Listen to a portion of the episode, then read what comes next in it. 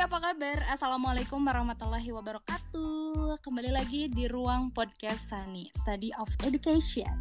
Kali ini bakal ngobrol bareng dengan dosen milenial yang digemari oleh para mahasiswa di salah satu universitas di Kota Bandung. Saat ini memilih jurusan pendidikan yang sesuai dengan minat dan bakat kita ternyata tidak mudah banyak tantangan dan pertimbangan yang terkadang membuat akhirnya ragu dalam mengambil sebuah keputusan dalam menjalani pendidikan.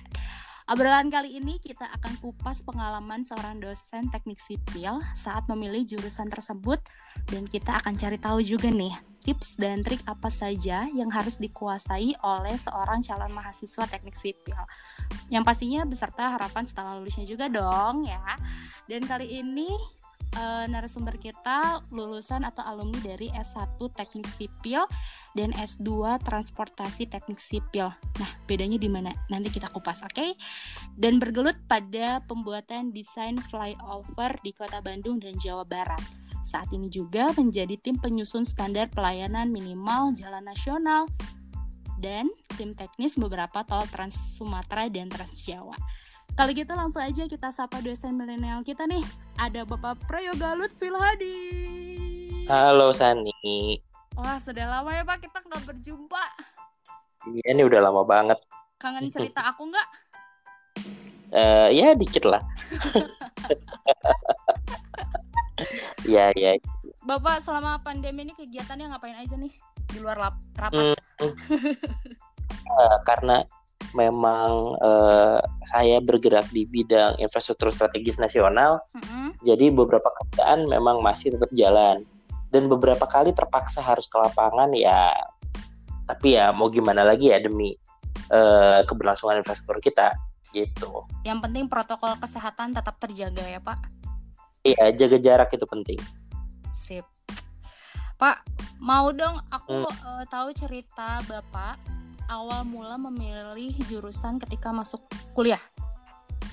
Hmm, jadi uh, dulu waktu pertama kali pilih teknik sipil ya sebenarnya ya biasa ya yang namanya anak SMA uh, eh, mau lulus itu pasti uh, galau sih mau pilih uh, kampus di mana dan uh, jurusan apa. Mm-hmm. Sebetulnya kita punya kampus idaman tapi mungkin kampusnya nggak mengidamkan kita kan bisa aja kan? Iya benar nggak top gitu. Uh, atau mungkin kita punya jurusan idaman tapi uh, ya masih ragu lah apa kita mampu di sana atau enggak nah jadi waktu uh, dulu ya ngobrol dengan orang tua sih sebetulnya yang paling apa yang paling uh, membuka jalan. Jadi dulu sebenarnya saya itu pengen ke arah uh, manajemen ilmu sosial. Hmm. gitu. Karena memang uh, secara nilai di SMA nilai-nilai ilmu sosial saya itu meskipun saya anak IPA ya hmm. tapi waktu uh, eh, SMA itu nilai sosial saya itu selalu selalu baik lah tidak pernah tidak baik. Sedangkan nilai IPA ya uh, inilah di garis kemiskinan lah. Oh, uh, ya ba dibilang bagus banget enggak dibilang jelek ya enggak. Jadi ya sosok lah kalau bahasa anak sekarang Nah dari situ saya sempat mikir antara mau masuk di manajemen atau di teknik sipil. Mm-hmm. Cuman lalu saya ngobrol sama orang tua, sama ibu, sama bapak, lalu ya dikasih insight lah. Uh, salah satunya adalah Indonesia itu masih negara yang berkembang, mm-hmm. lebih banyak insinyur daripada manajer, karena uh, pembangunan itu baik dari sektor di, dalam skala kecil atau skala besar itu masih banyak terjadi di Indonesia. Jadi ya memang akhirnya ngobrol kami sepakat untuk masuk uh, teknik. Nah tekniknya sudah sepakat nih.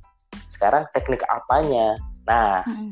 lalu uh, suatu ketika saya coba dulu zaman saya masih namanya SPMB ya. Hmm. SPMB untuk masuk perguruan tinggi negeri itu seleksinya namanya SPMB. Nah, lalu saya coba ikut SPMB.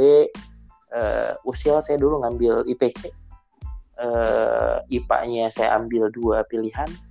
C-nya itu satu pilihan. Mm-hmm.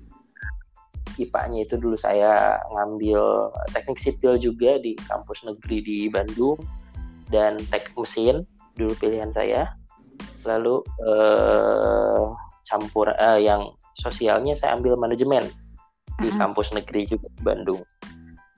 Nah walhasil ternyata yang keterima yang sosialnya dulu waktu SPMB itu. Nah keterima yang sosialnya tapi karena kami sudah sepakat yang lalu itu untuk teknik dan apa ya orang tua saya ngepush untuk ayolah kita kan udah sepakat eh, apa eh, yang lalu ngobrol dan lain-lain. Ya sudah akhirnya ada teman saya ngasih formulir ngasih formulir untuk eh, seleksi ke Unpar ya udah seleksi dan alhamdulillah masuk di teknik sipil Unpar gitu ceritanya Jadi yang utama adalah jurusannya ya Pak, bukan kampusnya yang di mana gitu ya. Hmm, iya dong. Jadi yang paling pertama itu harus dicek. Kita tuh mau karena kan yang namanya tingkatan pendidikan itu kan cuman eh, proses ya. Mm-mm. Sebenarnya eh, penggunaannya itu implementasinya itu ya nanti setelah pendidikan itu selesai. Mm-mm. Jadi ya kalau misalnya kita sekolah SD, SMP, SMA itu belum jelas kita mau ke mana sebetulnya. Mm-mm. Tapi ketika eh, masuk kampus, ya mau nggak mau ya bekal kita di situ. Misal yang kayak saya nih masuk teknik sipil. Mm-mm. Ketika saya lulus dari teknik sipil, ya bekal saya teknik sipil sangat spesifik. Jadi kemungkinan saya bekerja di tempat lain selain sipil itu eh, tidak terlalu besar. Paling besar itu saya meneruskan kerja di bidang teknik sipil. Mm-mm. Begitu juga teman-teman yang ngambil misal di bidang eh, teknik industri. Kalau misalnya sekolah di teknik industri ya, karena keahlian teknik industri ya akan sangat sulit untuk misalnya kerja di teknik sipil Mhm. atau kerja di eh, apa teknik mesin. Meskipun peluangnya ada, tapi eh, tidak sebesar orang teknik sipil kerja di teknik sipil atau teknik mesin kerja di teknik mesin Mm-mm. gitu. Oke. Jadi jurusan itu cukup penting sih untuk eh, apa kita pertimbangkan baik-baik. Mm-mm. Nah Pak, tadi kan eh, udah disebutkan juga nih, sebetulnya tingkat pelajaran di sosial Bapak tuh lebih tinggi dibandingkan dari Hmm, kuasa IPA itu betul. sendiri kan. Nah, Betul. jadi apa sih yang harus eh, dikuasai nih? Mungkin pendengar ruang podcast nih ada calon mahasiswa juga yang memiliki keinginan Hmm. untuk masuk jurusan teknik sipil tersebut gitu Pak. Hmm, ya ini normatif ya untuk semua jurusan yang paling penting mah niat nomor Mm-mm. satu. Niat lah. Eh, karena ya semua hal itu bisa dipelajari. Nggak ada yang nggak bisa dipelajari. Cuman masalahnya mau atau enggak untuk mempelajarinya. Misal, eh, saya itu dulu waktu SMA itu semua pelajaran IPA itu suka kecuali matematika. Mm-mm. jadi eh, orang yang biasa eh, biasanya ya biasanya orang yang matematikanya bagus biasanya fisikanya bagus kimianya bagus Mm-mm. tapi orang yang kimianya bagus dan fisikanya bagus belum tentu matematikanya bagus Oke. nah saya itu tipe yang kedua kimia saya bagus matematika saya nggak begitu bagus Mm-mm. Nah, lalu masuk ke teknik sipil. Wah, ternyata teman saya matematika nih Iya. di sipil. Jadi ya apa? Ya kita harus berteman juga sama matematika. Mau mau nggak mau gitu. Yang paling penting niat sih. Mm-mm. Ya ujung-ujungnya ya kuliah ya belajar juga. Ya akhirnya bisa juga sih sebetulnya gitu. Jadi mau nggak mau harus tetap dipelajari gitu ya Pak. Ya iya ya udah nyemplung di situ. Iya benar. Ya masa mau balik lagi? iya.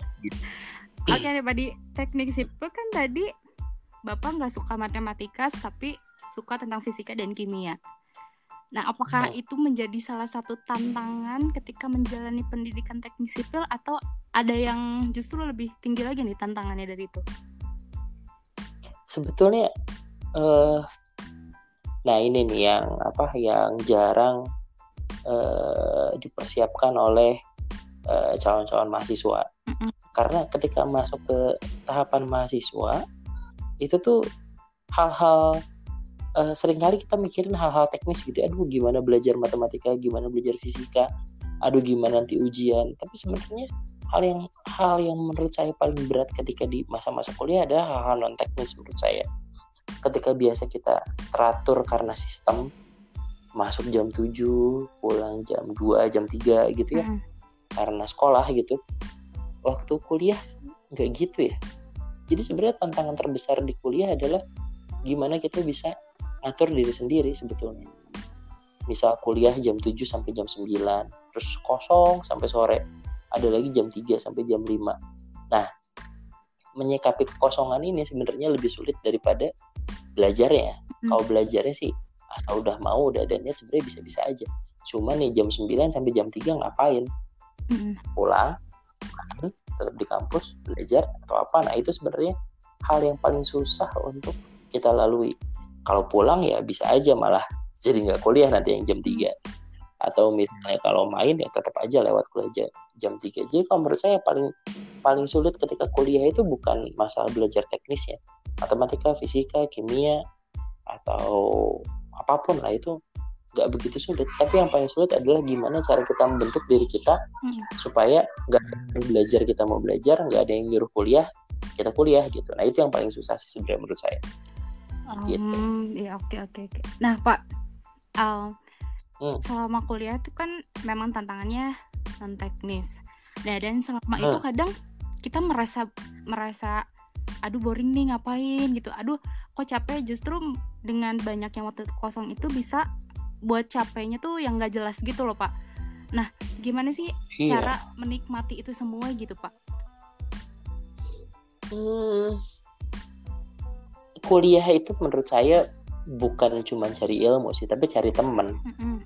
jadi ada alasan kalau saya kebetulan kuliahnya di universitas ya Sani jadi universitas itu ada alasan kenapa universitas itu macam-macam jurusannya Mm-mm.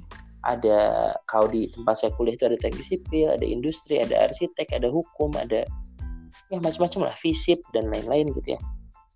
Justru di situ tempat kita kenalan karena nanti itu ketika masuk ke dunia kerja nggak mungkin anak teknik sipil itu mengerjakan teknik sipil hanya dengan orang teknik sipil aja Mm-mm. tapi ada kerjasamanya dengan orang hukum, ada kerjasamanya dengan orang finansial, ada kerjasamanya sama eh, apa orang ekonomi dan lain-lain gitu. Jadi di kampus itu justru jangan terkotak-kotak karena jurusan. Mm. Jadi kalau misalnya nanti udah masuk kuliah gitu ya, misalnya ada yang baru mau kuliah nih yang dengerin ya, Mm-mm. jadi eh, begitu masuk kampus ya sebisa mungkin ya cari temen ikut organisasi. Eh, kalau dulu di zaman saya itu ada eh, kepresidenan mahasiswa gitu ya atau BEM yang gitu gitulah ikutlah itu waktunya kita kenal anak jurusan lain untuk ya setidaknya kita lihat lah dunia luar di luar eh, apa dunia kita. Mm. itu yang bisa itu yang bisa bikin kita menghargai orang lain dengan eh, dengan baik gitu Oke, nah itu bisa kayak gini gak sih Pak? Apa namanya? Ketika kita kuliah nih, terus menguasai dari satu jurusan, terus teman kita Hmm. di luar dari jurusan itu banyak. Eh, nah, jadi kita tuh sebetulnya Hmm. nggak usah khawatir mencari pekerjaan kalau jurusan yang kita tekunin itu setelah kerja nggak dapat hasil yang sama gitu dengan jurusan kita. Padahal dengan banyak teman juga kita punya eh, justru ruang yang lebih luas gitu untuk mencari pekerjaan yang lain gitu ya Pak. Hmm, nah, ini sebenarnya macam-macam ya sudut pandang Mm-mm. orang ya. Cuman kalau dari sudut pandang saya adalah eh, yang namanya eh ki- kita kita ngomong pengecualian ya kayak apa Bill Gates dan lain-lain gitu ya Mm. yang ceritanya dia keluar dari sekolah terus udah gitu berhasil lah kita kita kita nggak usah bicarain itu lah itu anomali ya. Jadi ya apa eh, kalau menurut saya sih saya tipe orang yang sangat percaya kalau core kita di satu ilmu tertentu Mm-mm. ya jadilah yang terbaik di ilmu itu. Mm-mm. J- jadi kalau misalnya saya belajar teknik sipil ya saya harus jadi dan terutama transportasi ya. Kebetulan saya ambil konsentrasinya transportasi.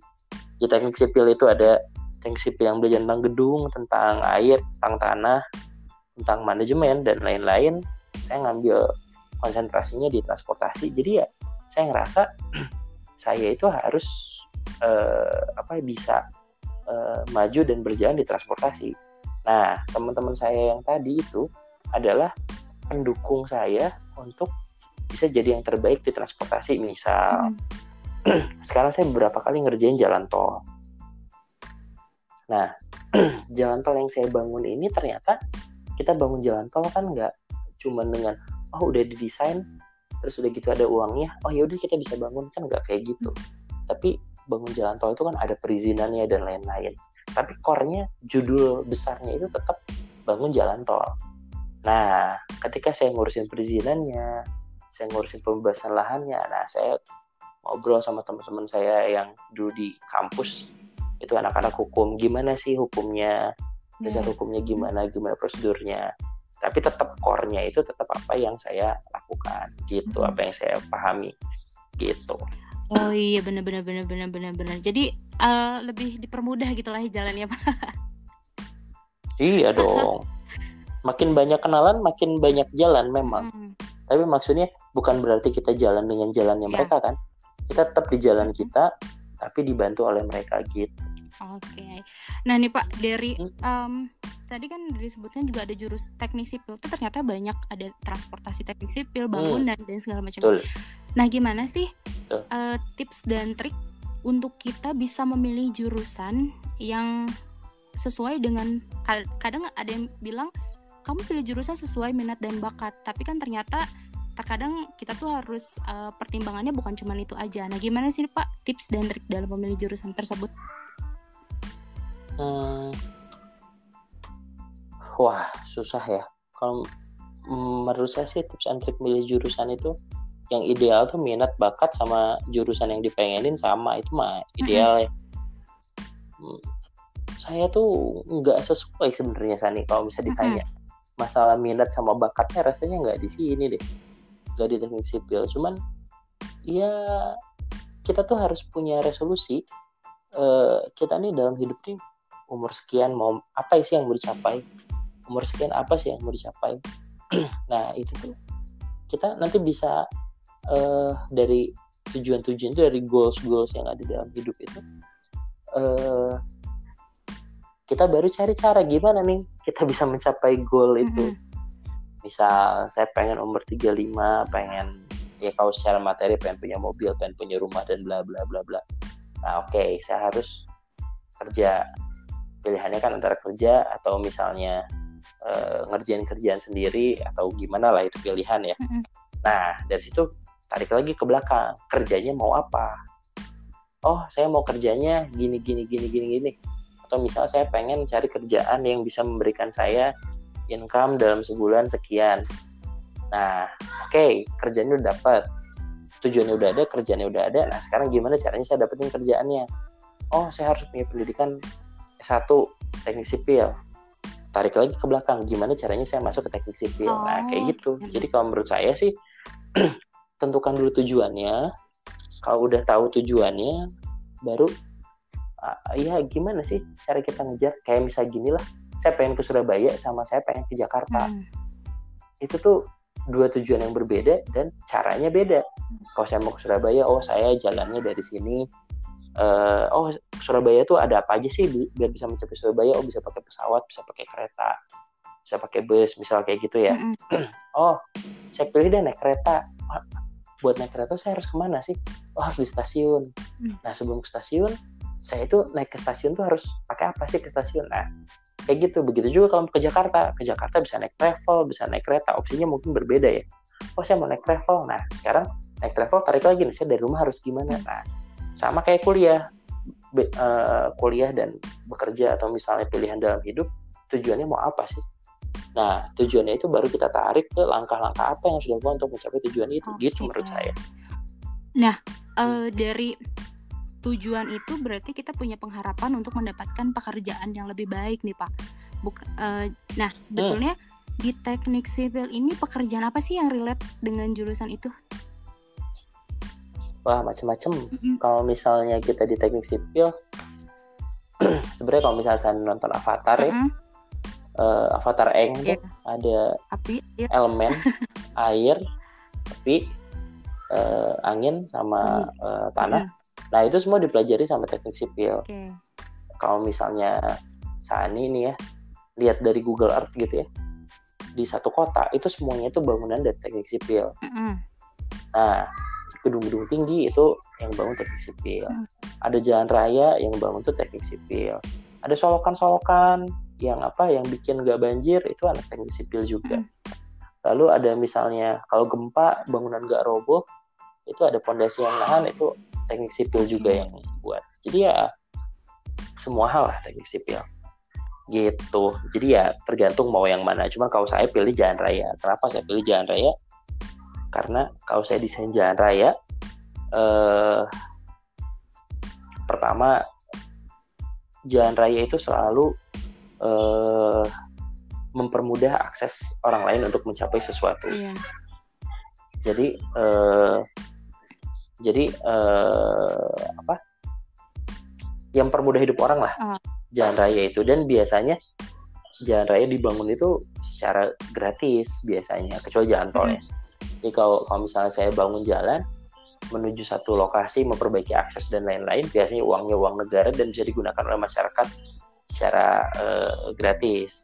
Nah itu yang apa? Yang eh, menurut saya kenapa saya pengen ngambilnya di transportasi dan spesialisasi jalan raya gitu. Oke, berarti eh, mendasar seperti jadilah orang yang bermanfaat untuk orang lain gitu ya Pak. Iya harus lah. Nah Pak, tadi di Harus teknik sipil ada teknik bangunan. Bedanya sama arsitek apa ya Pak? struktur. Nah kalau arsitek itu nentuin bentuknya. Mm. Kalau teknik sipil tuh nentuin bahannya apa, kekuatannya berapa, gimana cara bangunnya, gitu. Makanya anak arsitek sama anak sipil sebenarnya biasanya sih nggak ini apa, nggak akur. Kadang-kadang anak arsitek ya apa eh, melihat hanya dari estetika, tapi kadang-kadang susah banget buat dibangun untuk dihitung ya. Mm-mm. Nah, ya tapi kalau misalnya ngikutin pengennya anak sipil, ya semua gedung ya kotak-kotak, nggak ada yang bentuknya lingkaran dan lain-lain. gitu. Oke. Hmm. Oke nih terakhir Pak. Pesan-pesan untuk para pendengar ruang podcast Hani tentang mereka yang mungkin mau Hmm. milih jurusan ataupun eh, apa ya menikmati jurusan yang mereka sudah ambil atau apa pun itu ada yang mau disampaikan nggak? Hmm, kalau untuk milih, eh menurut saya yang jelas semua jurusan itu punya prospek yang baik. Mm-mm. Eh, apa pun ya, apa pun itu, semua jurusan itu punya prospek yang baik. Asalkan eh, kita itu bisa jadi yang eh, ya nggak perlu terbaik lah. Maksudnya ya kedua atau ketiga terbaik di bidang itu itu sudah pasti kita bisa berhasil. Hmm. Jurusannya apa pun lah, gitu untuk milih jurusan. Jadi nggak usah khawatir. Cuman eh, harus benar-benar berpikir juga eh, kita tuh ada di mana kita ada di Indonesia negaranya sedang berkembang infrastruktur dan perbankan yang lagi eh, naik daun nah kalau misalnya memang cari peluang ya berarti di dua sektor itu infrastruktur dan perbankan gitu kalau menurut saya lalu kalau misalnya untuk yang udah ngambil jurusan tertentu gitu ya Mm-mm. gimana cara nikmatinnya ya yang paling pertama yang per- paling pertama dan paling penting adalah kita harus sadar nggak mungkin kita mutar balikin waktu lagi Mhm. untuk ngulang lagi semua dari awal jadi harus dijalani dan eh di set ulang deh masa depannya mau gimana Hmm. Mau jadi apa seperti yang tadi saya cerita. Mau jadi apa tujuannya ke mana terus langkah-langkahnya dari posisi kamu sekarang mau gimana? Karena menurut saya eh, titik awal kita nih untuk mencapai impian atau mencapai tujuan itu udah nggak bisa diubah. Hmm. dan tujuannya rasanya kita kalau kita udah pengen sesuatu rasanya kita juga nggak pengen ngubah tujuan itu. Nah yang bisa kita perjuangkan adalah caranya. Nah yang sedang dilakukan sekarang adalah caranya. Mudah-mudahan ya apa dengan kita tahu kita posisi asal kita di mana dan tujuan kita apa itu bisa membuat kita eh, berusaha itu nggak ada yang menyenangkan sih saya Mm-mm. menurut saya. Orang struggle itu bertahan gitu. Orang yang apa orang kaya orang yang penghasilannya besar mereka juga berusaha dan nggak ada yang suka berusaha itu. Mm-mm. jadi ya harus harus apa harus kita eh, sadari yang namanya berjuang itu nggak ada yang enak mau di jurusan mana pun ya menurut saya. Jurusan yang sesuai sama passion juga pasti nemu Tantangan ya. nemu nggak enaknya lah. Mm-mm. jadi ya menurut saya eh, ya untuk menikmati ya bagus lah kalau kalian bisa menikmati. Mm-mm. cuman kalau misalnya nggak bisa menikmati ya mau nggak mau ya harus dijalani. Karena memang udah milih itu mau gimana lagi? Gitu. Oke deh, wah ceritanya bener-bener ilmu semua ini pak ya, dan luar biasa sih emang pengalaman itu adalah salah satu ilmu yang sangat luar biasa ya. Terima iya kasih banyak pak untuk share pengalamannya hari ini. Semoga oke apa yang sudah disampaikan bisa menjadi salah satu referensi nih untuk meyakinkan para calon mahasiswa dalam memilih jurusan dan menikmati kuliahnya. ya amin Kalau gitu, terima kasih juga buat kamu yang udah mendengarkan ruang podcast Sani. Kali ini semoga bermanfaat dan selamat berkarya. Sani pamit. Wassalamualaikum warahmatullahi wabarakatuh. Jangan lupa follow Anchor dan Spotify itu ya di Ruang Podcast. Bye.